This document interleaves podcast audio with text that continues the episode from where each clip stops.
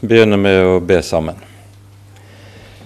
Kjære Herre, så kommer vi til deg på ny og ber deg, Herre, at du vil sende din Hellige Ånd, for at vi kan forstå dine ord rett og innrette oss efter det. Amen. Som eh, dere har sett av programmet, så er det satt opp to kapitler i åpenbaringsboken som eh, tema for eh, denne timen, nemlig det tolvte og det trettende kapitlet. Jeg tror eh, vi bare innledningsvis skal bemerke at det som på en måte er veldig mye av eh, det sentrale som åpenbaringsboken peker frem imot, det er det som vi leser om fra kapittel 13 av, og når vi kom ut kapittel 18. Og det er hele veien her i disse kapitlene tale om det antikristelige verdensriket. Og det taler om i stor utstrekning også de lidelser og forfølgelser som den kristne menighet må utstå i dette riket. Um, men opptakten til dette er det vi altså finner i det tolvte kapittelet. Og da er det slik, også i denne sammenheng som vi var inne på i forrige time, som i himmelen, så òg på jorden. I kapittel 12 ser vi noe som skjer i himmelen, og så møter vi så å si den eh, tilsvarende saken på jorden.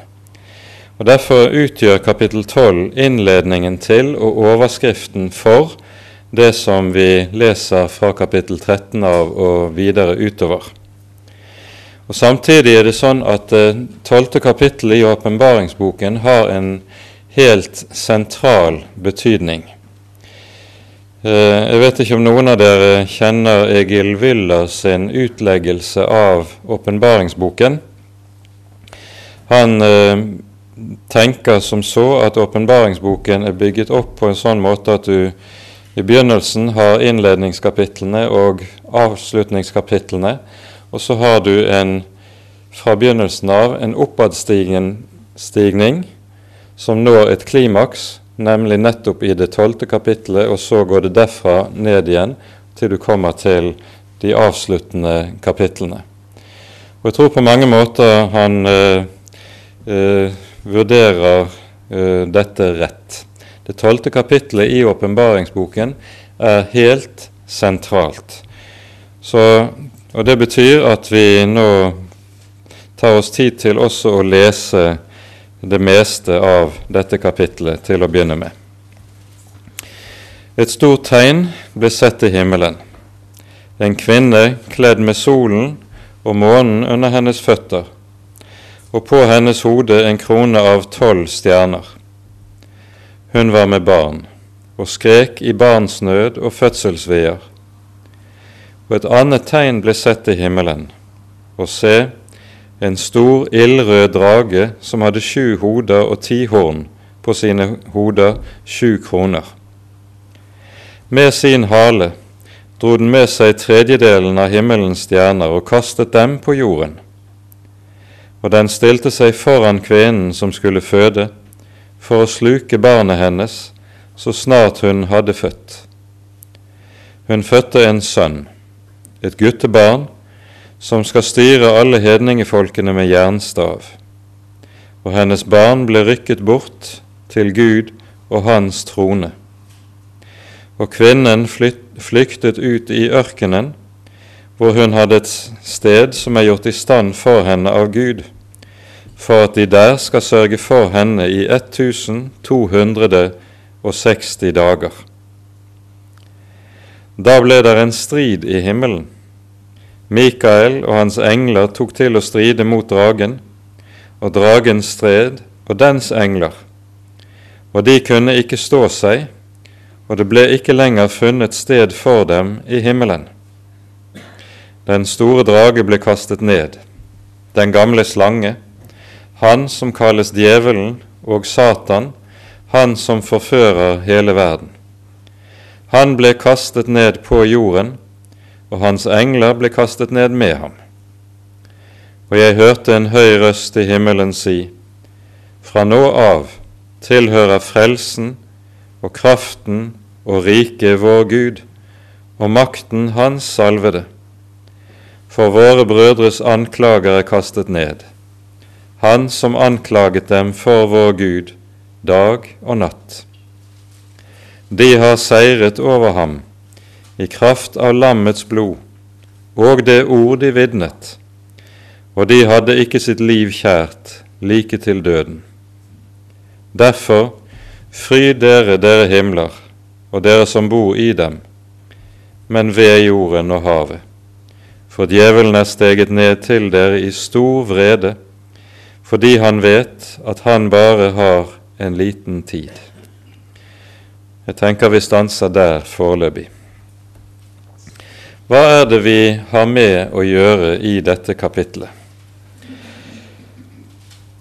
Det er jo et kapittel som i anskuelig, billedlig form fremstiller de sentrale forhold i frelseshistorien. Vi hører at dragen er tydelig identifisert. Det er djevelen.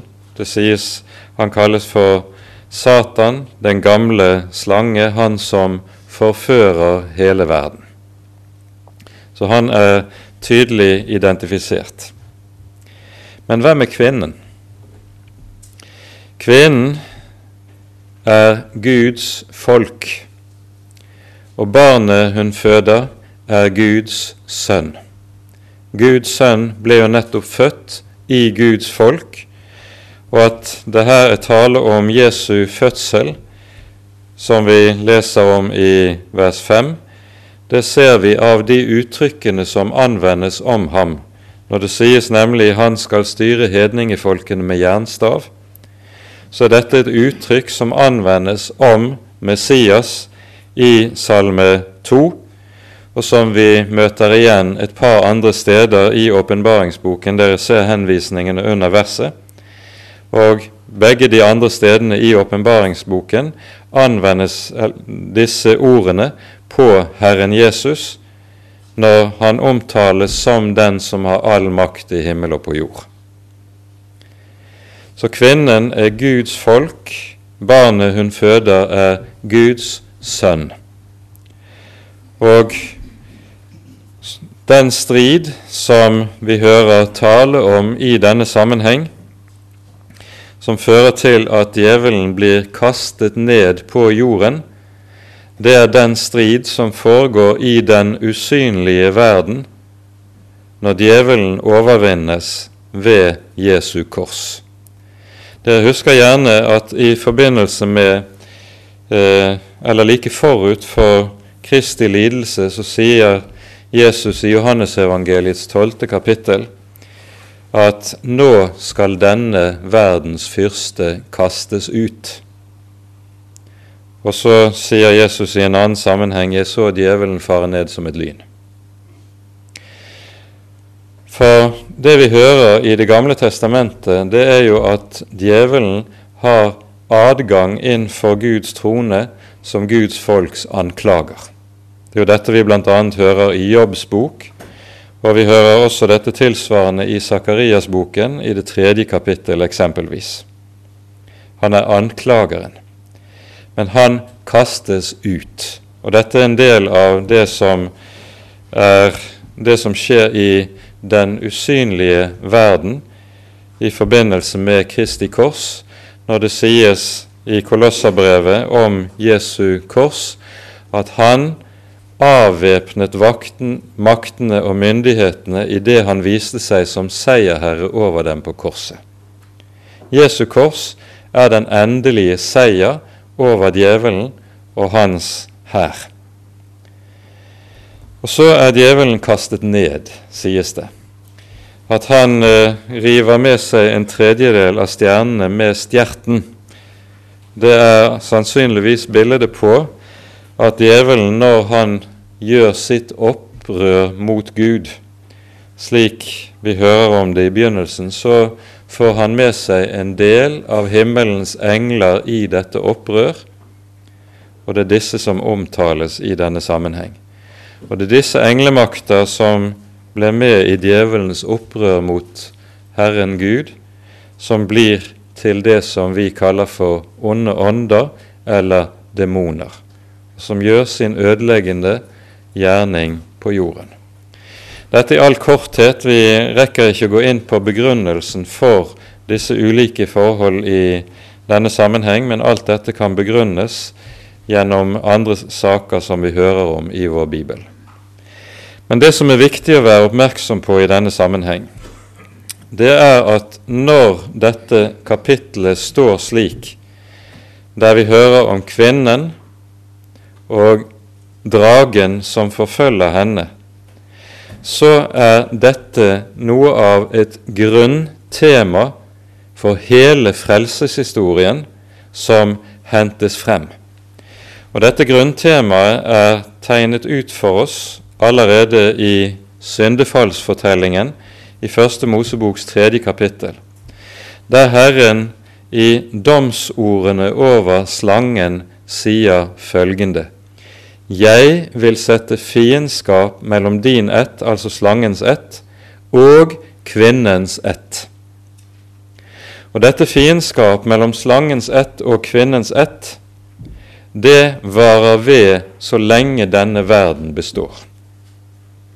Det er grunntemaet i frelseshistorien, og kvinnens ett omtales jo i andre halvdel av det samme verset i entallsform, der det sies 'Han skal knuse ditt hode, men du skal knuse hans hæl'.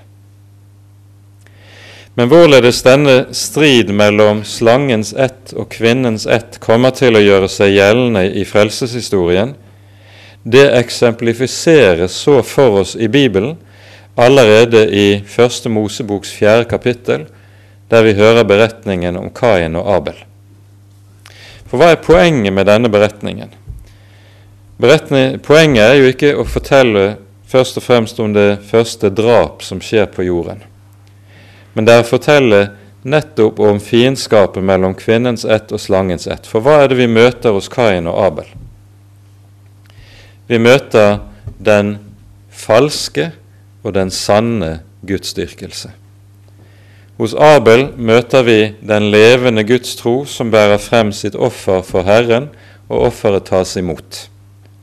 Hos Kain møter vi den falske gudsdyrkelse, som derfor avvises av Herren. Hvordan vet vi at Kains gudsdyrkelse er falsk? Jo, det ser vi av at når Herren oppsøker Kain, som han gjør, vi hører han gjør tre ganger i løpet av dette kapittelet, Første gangen før drapet for å advare Kain. Er det ikke så at hvis du har gått i sinne, så kan du løfte hodet, løfte blikket? Men har du ikke gått i sinne, der ligger synden på lur ved døren, men du skal herske over den, sier Herren til Kain. Hva gjør Kain? Han vender det døve øret til. Annen gang Herren oppsøker Kain, er etter drapet. Hvor er din bror? sier han til Kain.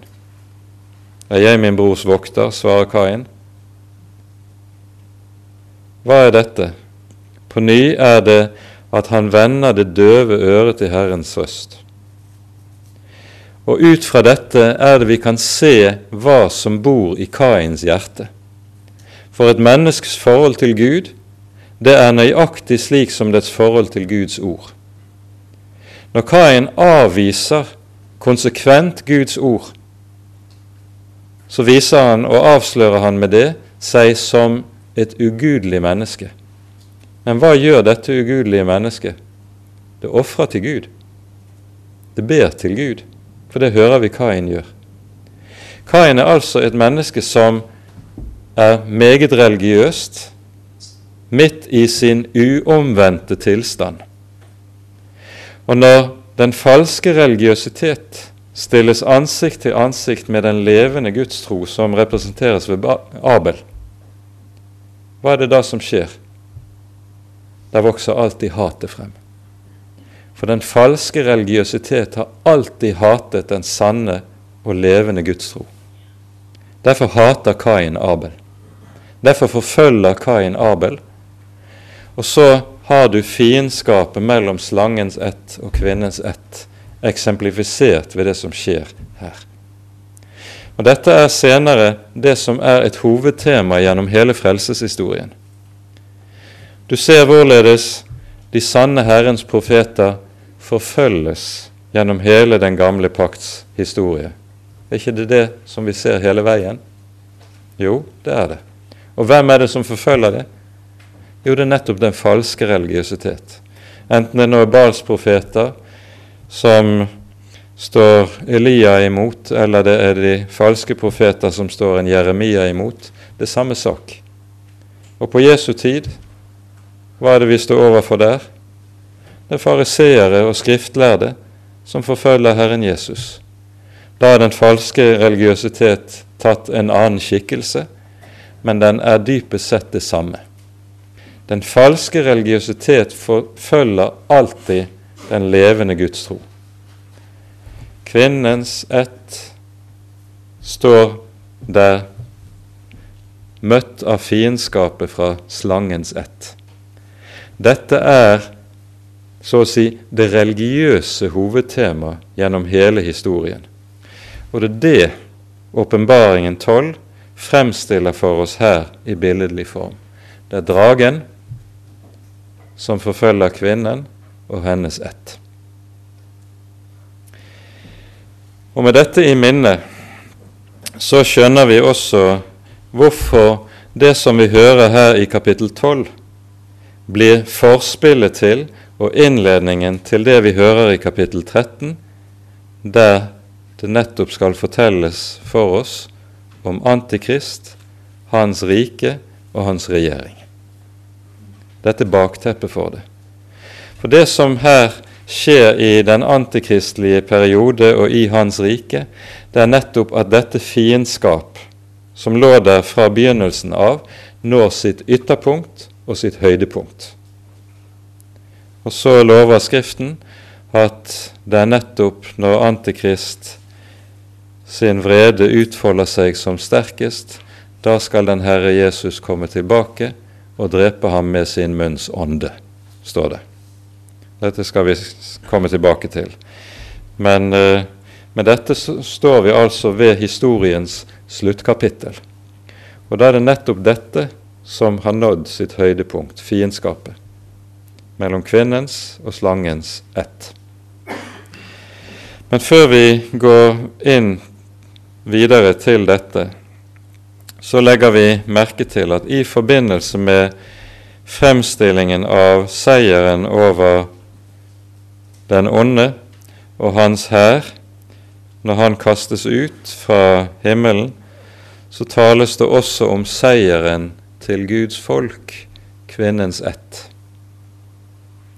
For deres seier beskrives for oss i vers 11. De har seiret over ham i kraft av lammets blod. Og det ord de vidnet, og de hadde ikke sitt liv kjært like til døden. Seieren over djevelen er ikke en seier som Guds folk vinner i kraft av sin utholdenhet, sin styrke, sin heltemodighet, eller hva det nå skulle være. De vinner det i kraft av noe en annen har gjort. De vinner den i kraft av lammets blod. Det er bevisstheten om og av, avhengigheten av hva Jesus har gjort på korset, og hva det innebærer for oss. Det er det som er og gir seieren. Intet annet. Og Derfor er Guds folks seier noe som ligger gjemt i dette at de tar sin tilflukt til Jesu kors og lever ved det. De har seiret over ham i kraft av lammets blod og det ord de vitnet. Hvilket ord er det de vitner? Det er ordet om lammet. og om lammets blod. Det er det de vitner. Og dette har fått så stor betydning for dem at de ikke har sitt liv kjært like til døden. I Salme 63 så synger David slik Din miskunnhet er bedre enn livet. Og det er nettopp det som har skjedd for Guds folk. De har oppdaget hva lammet har gjort, og hva det betyr. Og da er dette mer verd enn selve livet. Din miskunnhet er bedre enn livet. Og så er det dette som holder Guds folk oppe og bærer dem igjennom når den antikristelige trengsel setter inn, som vi hører om det i kapittel 13. Men, og Derfor er det, det så, vi så hører i det tolvte verset her, ved jorden og havet. For djevelen er steget ned til dere i stor vrede, fordi han vet at han bare har en liten tid. Og så hører vi det siste verset i kapittelet, Johannes si, og jeg sto på sanden ved havet. Og så begynner det vi hører i kapittel 13. Og Da tar vi oss tid til å lese fra vers 1 til 9 i det 13. kapittelet. Jeg så et dyr stige opp av havet. Det hadde ti horn og sju hoder. På sine horn hadde det ti kroner, og på sine hoder hadde det spottenavn. Dyret som jeg så, lignet en leopard, og det hadde føtter som en bjørn, og munnen var som munnen på en løve. Og dragen ga det sin kraft og sin trone og stor makt og jeg så ett av dyrets hoder like som såret til døden. Men det dødelige sår ble legt, og all jorden undret seg og fulgte efter dyret. De tilba dragen fordi den hadde gitt dyret makt, og de tilba dyret og sa:" Hvem er lik dyret, og hvem kan stride mot det? Og det ble gitt det en munn som talte store og bespottelige ord og det ble gitt det makt til å holde på i 42 måneder. Det åpnet sin munn til spott mot Gud, til å spotte Hans navn og bolig og dem som bor i himmelen. Og det ble gitt det å føre krig mot de hellige og seire over dem. Det ble gitt det makt over hver stamme og hvert folk og hvert tungemål og hvert folkeslag alle som bor på jorden, skal tilbe det. Vær den som ikke har fått sitt navn skrevet i livets bok hos lammet, som er slaktet fra verdens grunnvoll ble lagt, dersom noen har øre, han høre. Hva er det som tegnes for våre øyne her? For det første er det viktig å være oppmerksom på at også her, som ellers i åpenbaringsboken, er det gammeltestamentlige bilder og gammeltestamentlig språk som ligger bak.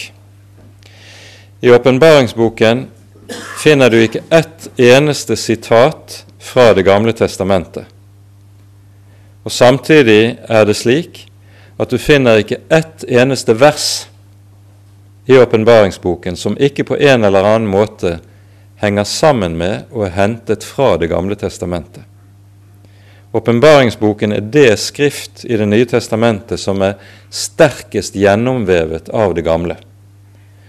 Og Derfor er det også slik at skal man forstå denne boken, så er det helt avgjørende at en har en stor fortrolighet med Det gamle testamentet. Det vi her hører om villdyret, for det er her tale om et villdyr, eller et dyr som er et takk, som er et rovdyr. Det er et bilde som er hentet fra Daniels boks syvende kapittel. Og Det vi der hører, det er Daniels syn, hvor han ser fire villdyr stige opp av havet. Og Disse villdyrene de er bilder på fire verdensriker som trer frem på historiens arena i rekkefølge. Det første villdyret det er bildet på det babylonske verdensriket. Det andre villdyret er bildet på det medopersiske verdensriket. Det tredje er bildet på det greske verdensriket som Alexander den store oppretter. Og det fjerde og siste villdyret er bildet på det romerske verdensriket. Og også i Daniels bok syvende kapittel ser vi hvorledes disse villdyr stiger opp av havet. Hva er dette bildet på? Jo, havet er i bibelsk språkbruk bildet på det vi kaller for folkehavet. Folkeslagene, det er like som havet. Det bruser hit og dit og drives hit og dit av vindens vinder, stadig og alltid urolig. Og opp av folkehavet stiger gjennom ulike perioder i historien de ulike verdensrikene. Villdyrene hos Daniel er hver for seg bildet på et verdensrike, samtidig som dette verdensriket sitt makt legemliggjøres ved rikets konge eller hode. Så poenget med bildet er at villdyret både er riket og dets konge i en og samme person. Så også altså med villdyret vi hører om her i åpenbaringsboken. Det taler om et verdens rike som kommer, og så tegnes under skikkelse av et villdyr, føtter som leopard Det er hurtig som leoparden, har styrke som bjørnen og voldsomhet og grusomhet som løven. Og så hører vi det sies dragen, altså djevelen, ga dette villdyr sin kraft og sin trone og sin store makt. Hva var det djevelen sa til Jesus på fristelsens berg? Han viser han all jorden og all jordens herlighet og sier, alt dette vil jeg gi deg hvis du vil falle ned og tilbe meg. Jesus faller ikke i fristelsen, men i dyret har vi den som er falt i fristelsen. og så får dyret denne makt. Nå sies det om dette dyret at dets hoder, et av dets hoder, altså en Det ser ut som det her er tale om et forenet kongedømme, det er mange ulike riker som er gått sammen. Eh, og dette avbildes gjennom de mange ulike hodene. Ett av disse er såret til døden, men det dødelige sår ble leget. Og det er dette hodet som blir hodet for alle rikene, det forenede riket. Hva er det vi ser i dette? I dette ligger det en imitasjon av Jesu død og oppstandelse. Dyret forlanger tilbedelse og vil tilbes som en som er død og oppstanden, lik Herren Jesus selv var det. Det er forførelsen. Og når Antikrist kommer til makten, så er det nettopp i kraft av forførelsen, som jo omtales meget sterkt i dette kapitlet i fortsettelsen. Men eh, vi minner bare om det som står i 1. Johannes brev 2, vers 18, før vi går videre. Her sier apostelen følgende, mine barn, det er den siste time.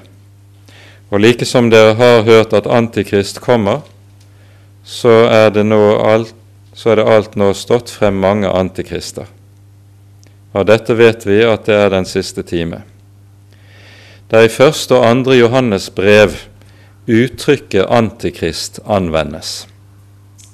Ikke i åpenbaringsboken, og heller ikke i det andre hovedavsnittet som taler om samme sak i Nytestamentet, nemlig andre Tessalonikabrevs annet kapittel. Men felles for alle disse avsnittene er at det som er Antikrists kjennetegn fremfor noe annet, det er forførelsen.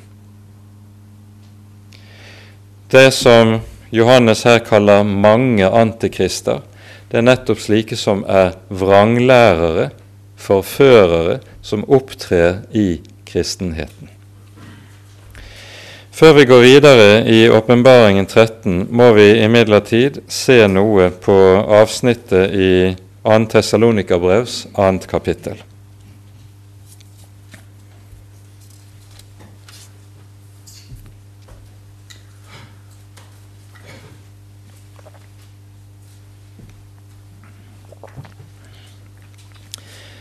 Det Paulus her skriver, det har sin bakgrunn i at det var opptrådt forkynnere i menighetene i Tessaloniki som talte sånn om eh, de siste tider og om Jesu gjenkomst at de mente Jesu gjenkomst var så nær forestående at det hadde ingen hensikt å fortsette å leve et normalt menneskelig liv. Derfor sluttet de troende å arbeide. De dro ikke omsorg for sin familie eller noe av det som hører det menneskelige liv til. Altså det var kommet en overåndelig og overspent endetidsforventning inn blant menigheten som eh, apostelen da må gå i rette med.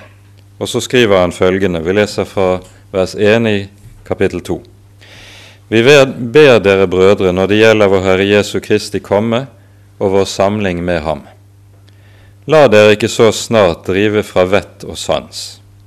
La dere ikke skremme, verken ved noen ånd eller ved noe ord eller ved noe brev som sies å komme fra oss, og som går ut på at Herrens dag alt er her. La ingen bedra dere på noe vis, for først må og så nevner Paulus et par ting som må skje før Jesus kommer. Det er altså ikke slik at Jesus kan komme når som helst. Han sier 'først må så og så skje'. Og han sier for først må frafallet komme, og lovløshetens menneske åpenbares, fortapelsens sønn. Han er den som står imot, og som opphøyer seg over alt som blir kalt Gud eller helligdom så han setter seg i Guds tempel og gir seg ut for å være Gud. Minnes dere ikke at jeg sa dere dette da jeg enda var hos dere? Og nå vet dere hva det er som holder igjen, slik at han først skal åpenbares når tiden for dette er inne. For lovløshetens hemmelighet er allerede virksom, bare at det som nå holder igjen, må ta, bli tatt bort. Da skal den lovløse åpenbares, han som Herren Jesus skal ødelegge med sin munns ånde og tilintetgjøre når hans gjenkomst åpenbares i herlighet. Den lovløse kommer etter Satans virksomhet med all løgnens makt og tegn og under. Det skjer med all urettferdighetens forførelse blant dem som går fortapt, fordi de ikke tok imot kjærlighet til sannheten, så de kunne bli frelst. Derfor sender Gud dem kraftig villfarelse, så de tror løgnen, for at de skal bli dømt, alle de som ikke har trodd sannheten, men hadde sitt behag i urettferdigheten. Det vi forstår av det som apostelen her skriver, det er at det er noe som ganske bestemt som bereder grunnen for Antikrists fremtreden. Og det er det som apostelen her kaller for frafallet, eller det store frafallet. For at noen skal kunne falle fra, så må det jo finnes en kristen kirke. Og det Paulus da altså taler om, at det er en kristenhet som kommer til å vende Herren Jesus ryggen, og vende evangeliet og vende Guds ord ryggen. Dette er frafallet. Og Dette frafallet er det da som bereder veien for og utgjør grunnlaget for det antikristelige riket og for antikrists fremtreden. Dette frafallet er karakterisert ved ett bestemt begrep som dukker opp gjentatte ganger i dette avsnittet, og det er ordet lovløshet. Anomia på gresk. Og Det er jo da slik at vi i teologien bruker et begrep som, vi, som heter antinomisme. Og Det betyr fiendskap mot Guds hellige lov. Fiendskapet mot Guds hellige lov ytrer seg på flere vis. For det første på det vis at en ikke vil lyde Guds bud. Men for det andre så ytrer det seg også på det vis at en hevder at det Guds bud krever av oss og lærer oss å gjøre, det er ikke godt, men ondt. Antinomismen er alltid kjennetegnet ved at en hevder Guds bud er onde og skadelige for menneskene. Og Derfor er det nødvendig, hvis mennesket skal bli fritt, at det også frir seg fra Guds bud. Det er Salme 2 i et nøtteskall. Hvorfor larmer hedningene og grunner folkene på det som fåfengt er? Jordens konger reiser seg, jordens dommere rådslår sammen mot Herren og mot Hans salvede. La oss kaste deres bånd av oss. Det er lovløsheten som taler slik. Det tredje uttrykk for lovløsheten er at lovløsheten ikke vil akseptere en Gud som forteller meg hvordan jeg skal leve. For jeg vil være min egen herre. Jeg er selv øverste autoritet i alt som har med etiske og moralske spørsmål. Ingen Gud skal fortelle meg hvordan jeg skal leve. Dette er antinomismen. Det er dette som er lovløshetens hemmelighet. Og ser vi med et sideblikk på vår egen tid, så ser vi jo at det er dette som sterkere og sterkere gjør seg gjeldende i den vestlige kultur.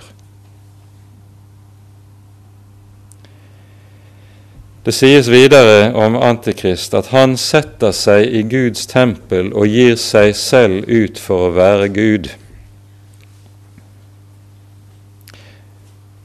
I dette ligger det to viktige sannheter. For det første Guds tempel er i Paulus språkbruk alltid bildet på den kristne menighet. Den kristne menighet er Den hellige ånds tempel. Når Antikrister setter seg i Guds tempel, så betyr det at han da er og må være en sentral lederskikkelse i kristenheten. Det er i kristenheten han opererer. Det er innen kristenheten frafallet skjer. Og det er som en kristenhetens leder han også får denne lederskap som gir han et rike som har herredømme over alle folk. Han setter seg i Guds tempel. Og så gir han seg selv ut for å være Gud. Hva er dette? Det er fallet som har nådd sitt høydepunkt. For når vi leser om syndefallet i Første Moseboks tredje kapittel, hva er det som er selve kjernen i syndefallet? Jo, det finner vi i slangens ord, som sier til Eva, dere skal bli like som Gud. I den antikristelige person tilber mennesket seg selv. Guddommeliggjør mennesket seg selv. Og det er tilbedelsen av mennesket der mennesket blir guddommelig, som er kjernen i det antikristelige riket. Og det at han utgir seg for å være Gud, kan godt hende at det henger sammen med dette at han så å si imiterer Jesu Kristi død og oppstandelse. Han er død og står opp igjen. Og så vil mange mennesker tenke her er det jo Jesus som er kommet tilbake. Og så sitter han i Guds tempel. Og jo, all jorden følger ham, sies det. At han sitter i Guds tempel, det innebærer altså at han er en religiøs lederskikkelse. Men dermed så ser vi et annet viktig trekk. Det som nemlig har kjennetegnet Europa nå i flere hundre år, det er at det har vært et absolutt skille mellom den religiøse og den verdslige makt. Kirken skal ikke ha verdslig makt. Og motsatt, den verdslige makt skal ikke ha makt over Kirken. Det vi ser i både Åpenbaringen 13 og i 2. Tessalonikabrev 2, det er at dette skillet er brutt ned på en slik måte at personen Antikrist forener den religiøse og den verdslige makt i sin person. Og så tilbes han av all jorden, sånn som vi hører det. Og denne, I denne tilbedelsen er det da slik at mennesket tilber seg selv fordi det har guddommeliggjort seg selv. Dere skal bli like som Gud, lød fristelsen. Men Antikrist viser også sitt sanne ansikt i det som sies i vers 7 i eh, dette kapitlet i Åpenbaringen 13. Det ble gitt dyret å føre krig mot de hellige og seire over dem. Det er Kain som fører krig mot Abel. Det er den falske religiøsitet som hater den sanne Guds tro og ikke kan tåle den. Og I denne sammenheng sies det altså at det ble gitt dyret å seire over de hellige. Det betyr at levende kristendom i sin offentlige skikkelse vil bli utryddet. Det vil nok komme til å være noen troende igjen, men de lever i skjul i katakombene. De øvrige har måttet gi sitt liv. Dette er den største, den tyngste og den håreste forfølgelsestid som har vært, selv ikke Romerrikets redsler, selv ikke kommunismens forferdelige herredømme og tukt over de kristne kan måle seg med dette. Det verste står enda foran i så måte. Og så skjønner vi hvorfor det tolvte kapittelet står som innledning til dette trettende kapittelet. For midt inni at dyret males for våre øyne med det redselsherredømme som dette vil innebære for den kristne menighet, den levende kristne menighet, så kommer ordet som vi leser i vers 11 om seieren, til å bli et helt avgjørende ord. De har seiret over ham i kraft av lammets blod og det ord de vitnet, og de hadde ikke sitt liv kjært like til døden. For det som kommer til å skje rent historisk med dette, det er på sett og vis nøyaktig det samme som skjer i forbindelse med vår Herre Jesu kors og død. Dersom ikke hvetekornet faller i jorden og dør, blir det bare det ene korn. Dersom det dør, bærer det megen frukt. Det at den kristne menighet slik skal lide, forfølges og på det nærmeste utryddes, det er det som blir spiren til at noe nytt bryter frem. Og Det er derfor Skriften også taler om at det er under Antikrists herredømme at vår Herre Jesus Kristus kommer tilbake og skal gjøre ende på ham med sin munns ånde.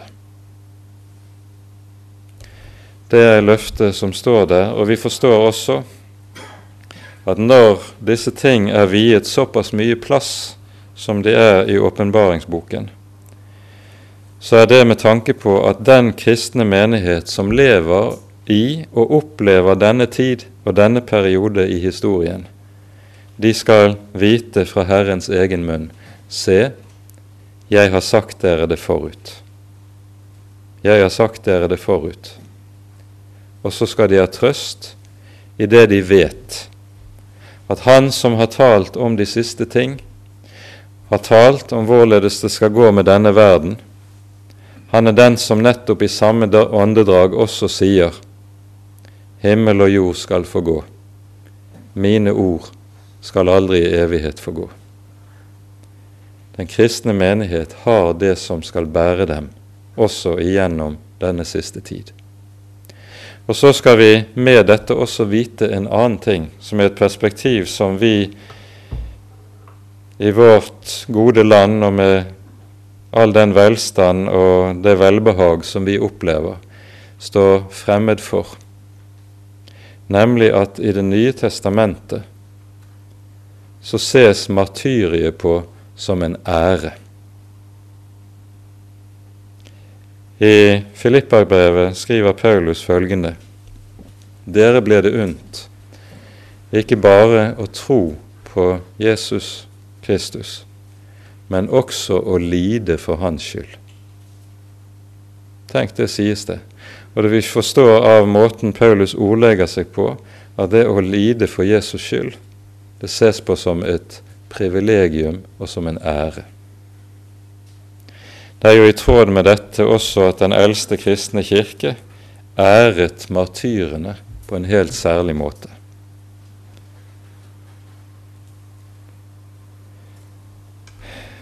Åpenbaringsboken er en martyrbok. og Derfor er det en bok som også er talt med tanke på man skal vite, for Jesus har sagt det forut, og så skal man også som troende menighet ei vite hvor trøsten ligger. For det er det som er det sentrale i dette. I, når det gjelder alle disse tingene, så handler det ikke om å få tilfredsstilt noen nysgjerrighet. Her handler det om liv og død. Og her handler det om at en skal vite at troen dreier seg også om liv og død. Og så skal menigheten med David også kunne si din miskunnhet er bedre enn livet. Og så bære korset sammen med sin Herre og sin Frelser. Dette tror jeg er noe av de grunnleggende sammenhenger og perspektiver som ligger på dette avsnittet i åpenbaringsboken, som det er viktig å være klar over. Ære være Faderen og Sønnen og Den hellige ånd som var og er og være skal en sann Gud, høylovet i evighet. Amen.